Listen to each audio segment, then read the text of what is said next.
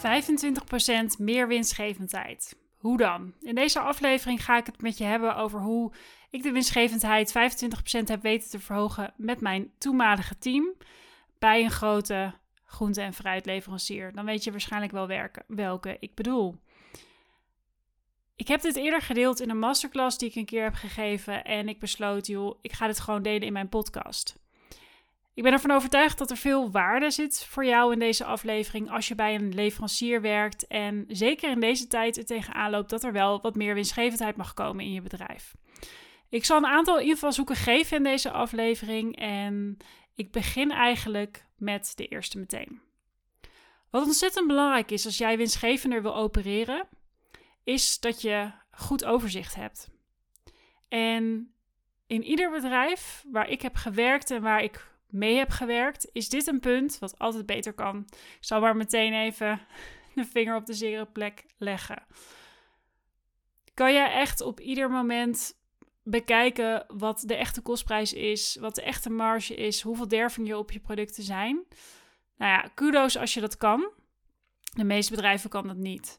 En als je echt een goede keuze wil maken over wat je moet doen om winstgevender te zijn, is het gewoon heel erg belangrijk dat je weet hoe je producten nu presteren. Wat ik heel vaak zie gebeuren is dat we niet naar de echte kostprijs kijken. Dus er missen logistieke kosten of er zitten eigenlijk ook derving op het product en er worden met inschattingen gewerkt. En daar is ook geen goed en fout in. Ik zeg ook niet dat je nu je, je controller in je team alle, in alle bochten moet laten wringen om jou al die cijfers te geven. Maar begin, met een, begin eens met je overzicht en kijk, oké, welke producten doe ik nou heel veel volume op? Lijken we op leeg te lopen? En kunnen we nog specifieker gaan naar waar het hem nou precies in zit? Het zit hem bijvoorbeeld ook in de actiekorting die je geeft. Wat ik ook vaak zie gebeuren is dat er geen duidelijk onderscheid is tussen klanten. Wat ik daarmee bedoel is dat we, nou ja, heel vaak wat ik zie gebeuren is dat je bijvoorbeeld superunieleden hebt en die ga je allemaal met dezelfde insteek analyseren. Soms wordt er nog wel onderscheid gemaakt tussen een plus en een co-op bijvoorbeeld, maar dan wordt de rest met alle respect op één hoop gegooid, omdat ze bijvoorbeeld dezelfde verpakking hebben. Nou, als je een merkleverancier bent, heb je sowieso te maken met dezelfde verpakking, tenzij je andere gamage voert. Maar laten we er niet zo specifiek op ingaan. Kan je daar ook onderscheid in maken? Hou je dus ook rekening met de investering die je bij die klanten doet? In hoeverre heb je inzicht in de unieke componenten die je gebruikt? Hè? Dus als je wel met verschillende recepturen werkt bij verschillende leveranciers, er zijn een aantal van mijn klanten die dat hebben, ja, heb je wel een goed overzicht van de unieke componenten. Vaak geeft dat heel veel helderheid. Zit daar heel veel geld. Dus ik begin niet meteen met het meest spannende voorbeeld, maar er zit wel heel veel geld in dit voorbeeld. Dus ja, in hoeverre kan je hier al stappen in gaan maken? En wat ik vervolgens zie gebeuren is, ik zeg altijd, alles is relatief, maar alles is ook absoluut. Ik laat die even, laat die even bij je vallen. Wat ik daarmee bedoel is dat we heel vaak bij bedrijven gaan kijken wat is de relatieve marge op een product. En ik wil niet zeggen dat het fout is. Sterker nog, het is vaak helpend. Alleen als jij van een product veel meer verkoopt, dan kan je er wel net iets minder marge op pakken, maar misschien pak je er in absolute zin veel meer marge op. Dus het is goed om richtlijnen te hebben. Het kan ook echt killing zijn voor je bedrijf. Ik heb heel lang bij een grotere leverancier gewerkt die daar heel strak in was. Ik zie nu heel veel van mijn klanten die er wat meer richtlijnen in mogen hebben, dus het zit ergens in het midden. Dus dat is een hele belangrijke om ook nog mee te nemen. Nou, dan hebben we, stel je hebt dat overzicht, dan is natuurlijk de volgende vraag wat je ermee kan doen, want alleen een overzicht, daar heb je niet zo heel veel aan. Nou, hopelijk heb je een collega die jou al van de eerste inzichten kan voorzien. Maar als je dit luistert, dan ben je waarschijnlijk commerciant en dan ben jij degene die ook alle ins en outs weet. Dus jij kan diegene het beste helpen. Nou, als je nu eens gaat kijken welke producten voor jou in het rood staan. Dat kan betekenen dat het sowieso verliesgevend is, maar het kan ook bijvoorbeeld betekenen dat in bepaalde seizoenen het verliesgevend is. Ik heb ook veel klanten die versproducten leveren. Nou, ja, dan heb je vaak te maken met verschillende kostprijzen. De vraag is ook, hou je daar rekening mee? De vraag is ook, reken je dat door aan je klanten? En oké, als er dus producten in het rood staan, bijvoorbeeld omdat ze onder een bepaald target van je staan. Stel je hebt als merkleverancier als doel, ik roep maar wat, dat je 35% marge moet pakken voor jezelf. Of, en of, dat je klant eigenlijk een bepaalde marge wil en dat je die niet kan leveren. Dat zou je er ook in mee kunnen nemen, maar laten we voor dit voorbeeld een beetje simpel houden. Zijn er producten die erg vergelijkbaar zijn en zou het niet verstandig zijn om naar één product te gaan? Is het echt additionele omzet voor jou en voor je klant? Zijn er, ja, zijn er producten waar je heel veel derving ziet? En wat heel erg helpend is bij deze oefening, is om er vanuit verschillende invalshoeken naar te kijken. Dus ook te kijken naar bijvoorbeeld segmenten van je producten. Hè? Dus bijvoorbeeld, nou, ik zal als een voorbeeld noemen, jij levert conserven. En nou ja, dan heb je ook weer subgroepen waarin je dat kan opdelen. Zie je daar ook bepaalde dingen gebeuren? Nou, dat is een hele belangrijke. Vervolgens, wat je dan gaat doen, is dat je eigenlijk projecten gaat identificeren ter optimalisatie. Dus wat een, een, een voorbeeld kan zijn, is dat je gaat kijken hoe je een periodieke update van je kostprijzen kan krijgen. En dat je die dus tijdig krijgt voordat je weer de onderhandelingen ingaat. Nog beter dat je proactief kan gaan acteren. Zeker in deze tijd. Ja, hoe snel acteer jij er eigenlijk op dat er prijzen veranderen? Er zijn zelfs situaties waarin het interessant is om wat meer een open kostprijsstructuur te gaan creëren. Dus hoe kan je dat continu verbeteren? Nou, wat eruit zou kunnen komen, een ander voorbeeld, is dat je eigenlijk heel veel derving hebt. En ja, in een ideale situatie neem je niet alleen je eigen derving mee, maar ook die van je klant. Nou, en dan zal je ook wel inzichten van hem moeten krijgen. Ik zit nu te denken dat het heel interessant is om een aparte aflevering over derving te maken. Dus dat ga ik bij deze doen, want veel van mijn klanten hebben daar last van. Of ze komen er te laat achter dat hun klant daar last van heeft. Ook een groot probleem. Dervingreductie. Dus ja, in hoeverre ben jij heel veel aan het produceren, maar wordt er veel weggegooid, bijvoorbeeld door promoties? Of is er iets wat je kan doen aan de houdbaarheid? Is er iets wat je proactief kan doen naar je klanten toe om dit te managen? En, en ik geef toe, dit is vaak wat meer een issue in echt heel verse producten. Maar ik zie dit ook gebeuren, en dan heb ik het echt over vijf tot zeven dagen. Maar je ziet het ook gebeuren bij producten die rond de 18 tot 30 dagen zitten. Dat zie ik er overal gebeuren. En vaak acteren we dan te laat en is dat een groot probleem. Maar ga je dan de overeenkomsten zoeken tussen jou en je klanten, zodat je dit beide aan kan pakken en je eigenlijk beide beter van wordt? Een ander project wat, je, wat eruit zou kunnen komen, is dat je dus veel efficiënter je promoties moet gaan doen. Heb je er al eens over nagedacht om bepaalde promoties niet meer te doen in bepaalde weken? Ben je hier wel proactief in? Hoe goed is je promotie-effectiviteit? Dus wat ik daarmee bedoel is, doe je, hè, hoe goed doe je promoties het eigenlijk? Loop je er niet helemaal op leeg? En kan, er, kan je er niet veel meer uithalen, bijvoorbeeld door andere weken te kiezen of een ander mechanisme te kiezen of een hele andere invulling eraan te geven? Werk je wel met een actuele kostprijs die je koppelt aan je actieplanning? Nou, dat zijn allemaal vragen die, die, die we dan, hè, als je met mij zou werken, die we dan dus aan gaan pakken. En ja, wat heel vaak een ding is, is innovatie. Ik vind het een heel belangrijk onderwerp. Ik heb het er vaak over, omdat hier gewoon de, ja, heel veel dingen zitten die jou veel winstgevender kunnen maken en jouw klanten veel winstgevender kunnen maken. En ja, we, zien het vaak, vind ik, als veel te ingewikkeld. Um, ik zie innovatie op meerdere vlakken. Je kan een nieuwe verpakking introduceren, je kan een ander smaakje introduceren, je kan een heel nieuw concept introduceren. Maar je kan ook optimalisatie doen. Dus als jij producten hebt met dressings, kan je daar ook stappen in maken waardoor het veel winstgevender wordt. Dus maak het ook niet te ingewikkeld. Dus dit zijn een aantal voorbeelden die er dan uit kunnen komen. Dus Even terug naar het begin. Als jij veel winstgevender wil zijn, dan begin je dus met een helder overzicht. En ik, ja, ik zou echt kritisch willen zijn van hoe goed dat overzicht dan is. Is het voor jou echt duidelijk met waarmee je kan werken? En is het ook wel duidelijk voor de rest van je team? Want jij kan het wel als manager denken: oh, dit, uh, dit, uh, dit heb ik helemaal een overzicht van. Maar kan jouw team er ook mee werken? Kunnen ze daar ook op acteren? Dat is heel erg belangrijk. Um, hè, dus, dus is het duidelijk voor je welke producten uh, er in het rood staan en welke projecten kan je er vervolgens uithalen. Dus dat kan bijvoorbeeld een continue verbetering zijn of dervingreductie of dat je efficiëntere activaties doet of dus dat je iets doet met innovatie. Dat zijn een aantal voorbeelden. Het is heel erg van jouw situatie afhankelijk. Hè? Dat is natuurlijk een vrij algemene podcast. Dus als jij wil dat ik in jouw situatie specifiek meekijk, ja, dan moet je natuurlijk klant worden van me. Of in ieder geval een afspraak inplannen en dat ik met je meekijk. Of ik je daarbij kan helpen of een, match, uh, of een match zijn. En een van de dingen die ik ook wil aangeven is, als ik het dan heb over nieuw product development, is dat de prijs veel meer naar voren mag in het proces. Wat ik heel vaak zie gebeuren, en ik weet dat het moeilijk is, en dat misschien wel als je dit luistert denkt, ja, maar zorg echt voor een indicatie van een kostprijs verder in het begin. Ik zie echt heel vaak dat productontwikkeling al aan het rennen is, terwijl ze niet weten wat een minimale kostprijs is, of dat ze ja, dat je een proefsessie hebt en dat je helemaal enthousiast bent en dan denkt, oh, maar dit gaat nooit rekenen en dan ben je alweer drie weken verder. Dus geef productontwikkeling ook een bepaalde omschrijving. En dit is natuurlijk in het geval dat je dat helemaal zelf doet. Ik heb ook klanten die besteden in de zin van eh, productie besteden ze uit. Ja, dat betekent dat je wat eerder moet beginnen vaak, want je moet er informatie ophalen. Maar ook dit, hier valt zoveel winst in te behalen.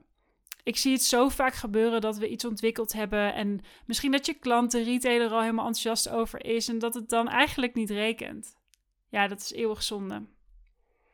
Dus ook daar um, ja, zijn dingen die je kan doen. Je kan ook kijken van, uh, rekent het wel door? Hoeveel klanten hebben we nodig om een, product ja, wel te kunnen draaien? Ik zie ook zo vaak Ehm, nou, één, eigenlijk intrinsiek is het hetzelfde product, maar we hebben drie gammages in de markt. Hè? Of, of food service sluit eigenlijk niet aan bij wat retail doet en daar is geen echte reden voor.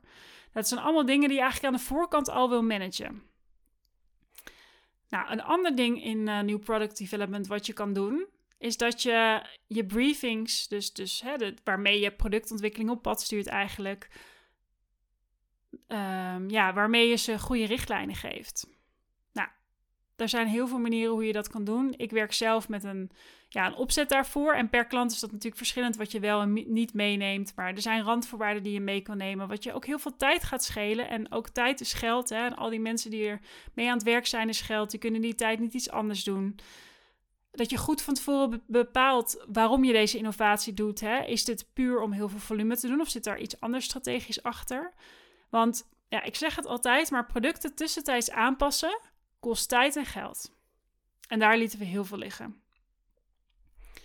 En ja, uiteindelijk is het ook gewoon dat als je strakker op de timings gaat zitten, daar zit ook winst. Dus wat ik vaak zie gebeuren, en toevallig nam ik er, uh, heb ik er recent een stukje over geschreven, maar ja, wat ik heel vaak zie gebeuren is dat we, als het heel druk is, dat we innovatie op de langere baan schuiven. Dat we denken, oh ja, ja, het is wel belangrijk, maar ja, uh, week 17 volgend jaar is nog zo ver weg. En dan ineens denk je, dan kom je er gaandeweg achter, oh, ik weet eigenlijk niet of we het gaan halen.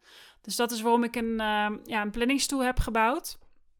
Sterker nog, uh, iemand die echt fantastisch is in Excel heeft dat voor mij gebouwd. Maar dan kan ik dus met jou precies kijken van oké, wat zijn de weken bij retailers wanneer dingen veranderen? En dan kunnen we daar heel goed naartoe plannen. En dit is een van de dingen die we nou ja, bij Hessing ook gebruikten op een gegeven moment. En dat is gewoon super fijn. Geeft heel veel rust.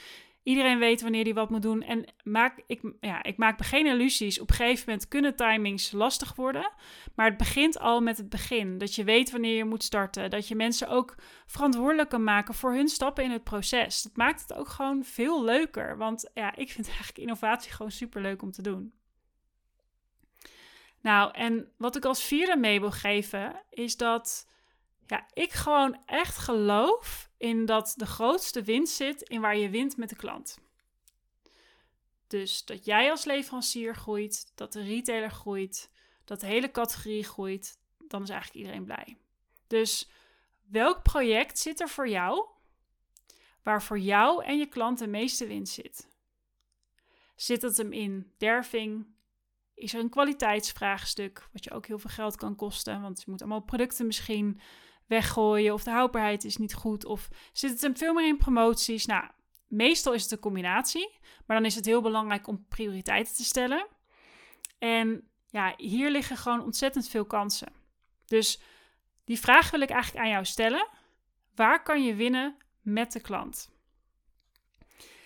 Nou, en dan een vijfde ding wat ik nog wil benoemen, is dat het echt heel belangrijk is dat er verantwoordelijkheid wordt genomen en dat er accountability is. En dat is wat ik net al met me benoemde met zo'n overzicht bijvoorbeeld. Ja, dit is echt heel belangrijk. En dit zie ik bij veel bedrijven nog wel als een grote winstkans. En dit is ook niet wat je morgen ineens hebt. Hè. Het is ook een cultuurverandering eigenlijk. Maar je moet ergens beginnen en ik weet zeker dat het ook veel leuker wordt als je dat gaat doen. Dus echt verantwoordelijkheden. Denk aan een multidisciplinair team. Dus dat als kwaliteit iets aan moet leveren, dat ze weten wanneer ze dat moeten doen. Dat als logistiek, dat logistiek ook hun, ja, ik, ik hoor ook regelmatig van, van een klant laatst bijvoorbeeld, die dan zei, ja, Um, ja, mijn logistieke collega's waren helemaal niet blij, want uh, eigenlijk konden we het volume helemaal niet dicht houden. En dan ben ik dus heel benieuwd, oké, maar hoe kunnen we dit de volgende keer beter doen? Dus het is ook heel belangrijk. En nou ja, ik heb nu dus een overzicht gemaakt wat voor veel klanten een fantastisch uitgangspunt is. En daar beginnen we mee. En dan gaan we het ophalen van oké, wat heb jij nodig? Met welke timings is het voor jou werkbaar? En dan natuurlijk mag je ze ook challengen, want ja, soms zullen mensen ook zeggen: Oh, nou, uh, als ik het 20 weken van tevoren heb, nee, maar wanneer heb je het echt nodig? Hè? Kunnen we, dus ik, ik geloof heel erg in een van-tot planning. Dus daarmee bedoel ik dat je echt een finale datum hebt, maar dat je ook een aantal weken ervoor al plant, zodat je dan start en dat niet alles last minute moet. Dus, dus probeer je dat visueel voor te stellen, dat het eigenlijk een heel mooi overzicht dat je zegt: Nou, in die week moeten we starten, bijvoorbeeld met een uh, trendpresentatie, verzamelen met elkaar. En dan is het doorlooptijd van zoveel weken en dan moet het echt finaal zijn. En dat werkt gewoon heel erg goed. En ja, ik ben normaal niet zo heel erg van de nuance, maar ik ga hem toch maken. Kijk, soms is het ook een keuze om minder winst op een product te maken. Er kunnen verschillende redenen zijn waarom een bepaald product niet zo winstgevend is. En wat ik ook vaak zie gebeuren is dat we heel erg gaan focussen op dat ene product of die twee producten die niet heel winstgevend zijn. Terwijl ja, laat ik een concreet voorbeeld noemen. Terwijl het een strategisch heel belangrijk product is. Waarvan je weet, als we deze producten blijven leveren. Als ik dan gewoon kijk naar het hele totaal. Dan is die klant super tevreden over ons. En het is hè, een bepaald risico wat we met elkaar nemen. We kunnen de derving managen. We, kunnen, uh, we hoeven er niet zoveel actiekorting op te geven. Of daar kan je over onderhandelen. Um, het kan gewoon een keuze zijn. Dus zorg niet dat winstgevendheid altijd het einddoel is. Alles hangt met elkaar samen. Nou, ik ben me terdege van bewust dat ik best veel informatie in deze aflevering heb gegeven, dus ik zal het nog even samenvatten wat voor mij de vijf stappen zijn. De eerste is dat je echt een overzicht hebt. De tweede is dat je weet met welke variabelen je te maken hebt. Dat je dus kan zien hè, waar sta ik in het rood, welke segment of dat je ja, eigenlijk groepen kan maken. De derde is dat je projecten ter optimalisatie maakt en dus gaat uitvoeren. Vier is dat je gaat zien waar je kan winnen in winst met de klant. En vijf is verantwoordelijkheid en accountability. Nou, als je deze vijf stappen zet, dan is het echt, echt heel, heel erg makkelijk eigenlijk. Ja, dat klinkt natuurlijk een beetje raar, maar ja, ik weet gewoon precies hoe je dit moet doen. En als jij dit luistert en je denkt, ja, weet je, we hebben hier zoveel stappen nog in te zetten, of misschien is het veel dichterbij dan, dan je denkt, en je wil daar eens met mij over sparren, weet in ieder geval dat je met mij een afspraak in kan plannen. Als je echt serieus bent en ambitieus bent om een volgende stap te maken. Ik werk met, met leverancier die, leveranciers die echt die marktleider willen zijn in de markt. Die met hun plantaardige producten die nieuwe norm willen stellen. Ja, reik dan naar me uit. Je kan via mijn website, ik zal de link even in de aflevering zetten, kan je een afspraak met mij inplannen. En dan kan ik gewoon het perspectief met je schetsen wat ik voor je zie. Vanuit mijn ervaring, ik heb zowel ervaring met eigen merk als merken, als nou ja, ja, ook met hele grote bedrijven die die, die marktleider zijn. En dan is het ook de kunst om dat vast te houden. Want um, ja, ik ben niet uh, van de snelle groei. Ik ben ook van de snelle duurzame groei. Dus ik vind het belangrijk dat jij op een duurzame positie komt. Dat je winstgevend blijft en niet met allemaal trucjes dat kort bent. Dat vind ik heel belangrijk. Stuur me dan een bericht en dan kunnen we eens onderzoeken of een samenwerking tot de mogelijkheden behoort. Als dat, ik denk dat het niet zo is, dan zal ik dat altijd heel eerlijk aangeven, want ik ben net zo resultaatgericht als mijn klanten. En dan zie ik je graag in mijn, uh, in mijn afspraken verschijnen. En ik wens je in ieder geval een hele fijne dag. Ik hoop dat deze aflevering waardevol voor je was. Als dat zo is, dan, kan ik, ja, dan waardeer ik het heel erg als je uh, ja, deze aflevering 5 sterren geeft. Dat kan op Apple of op Spotify. Um, en dan wens ik je verder een hele fijne dag en tot de volgende aflevering.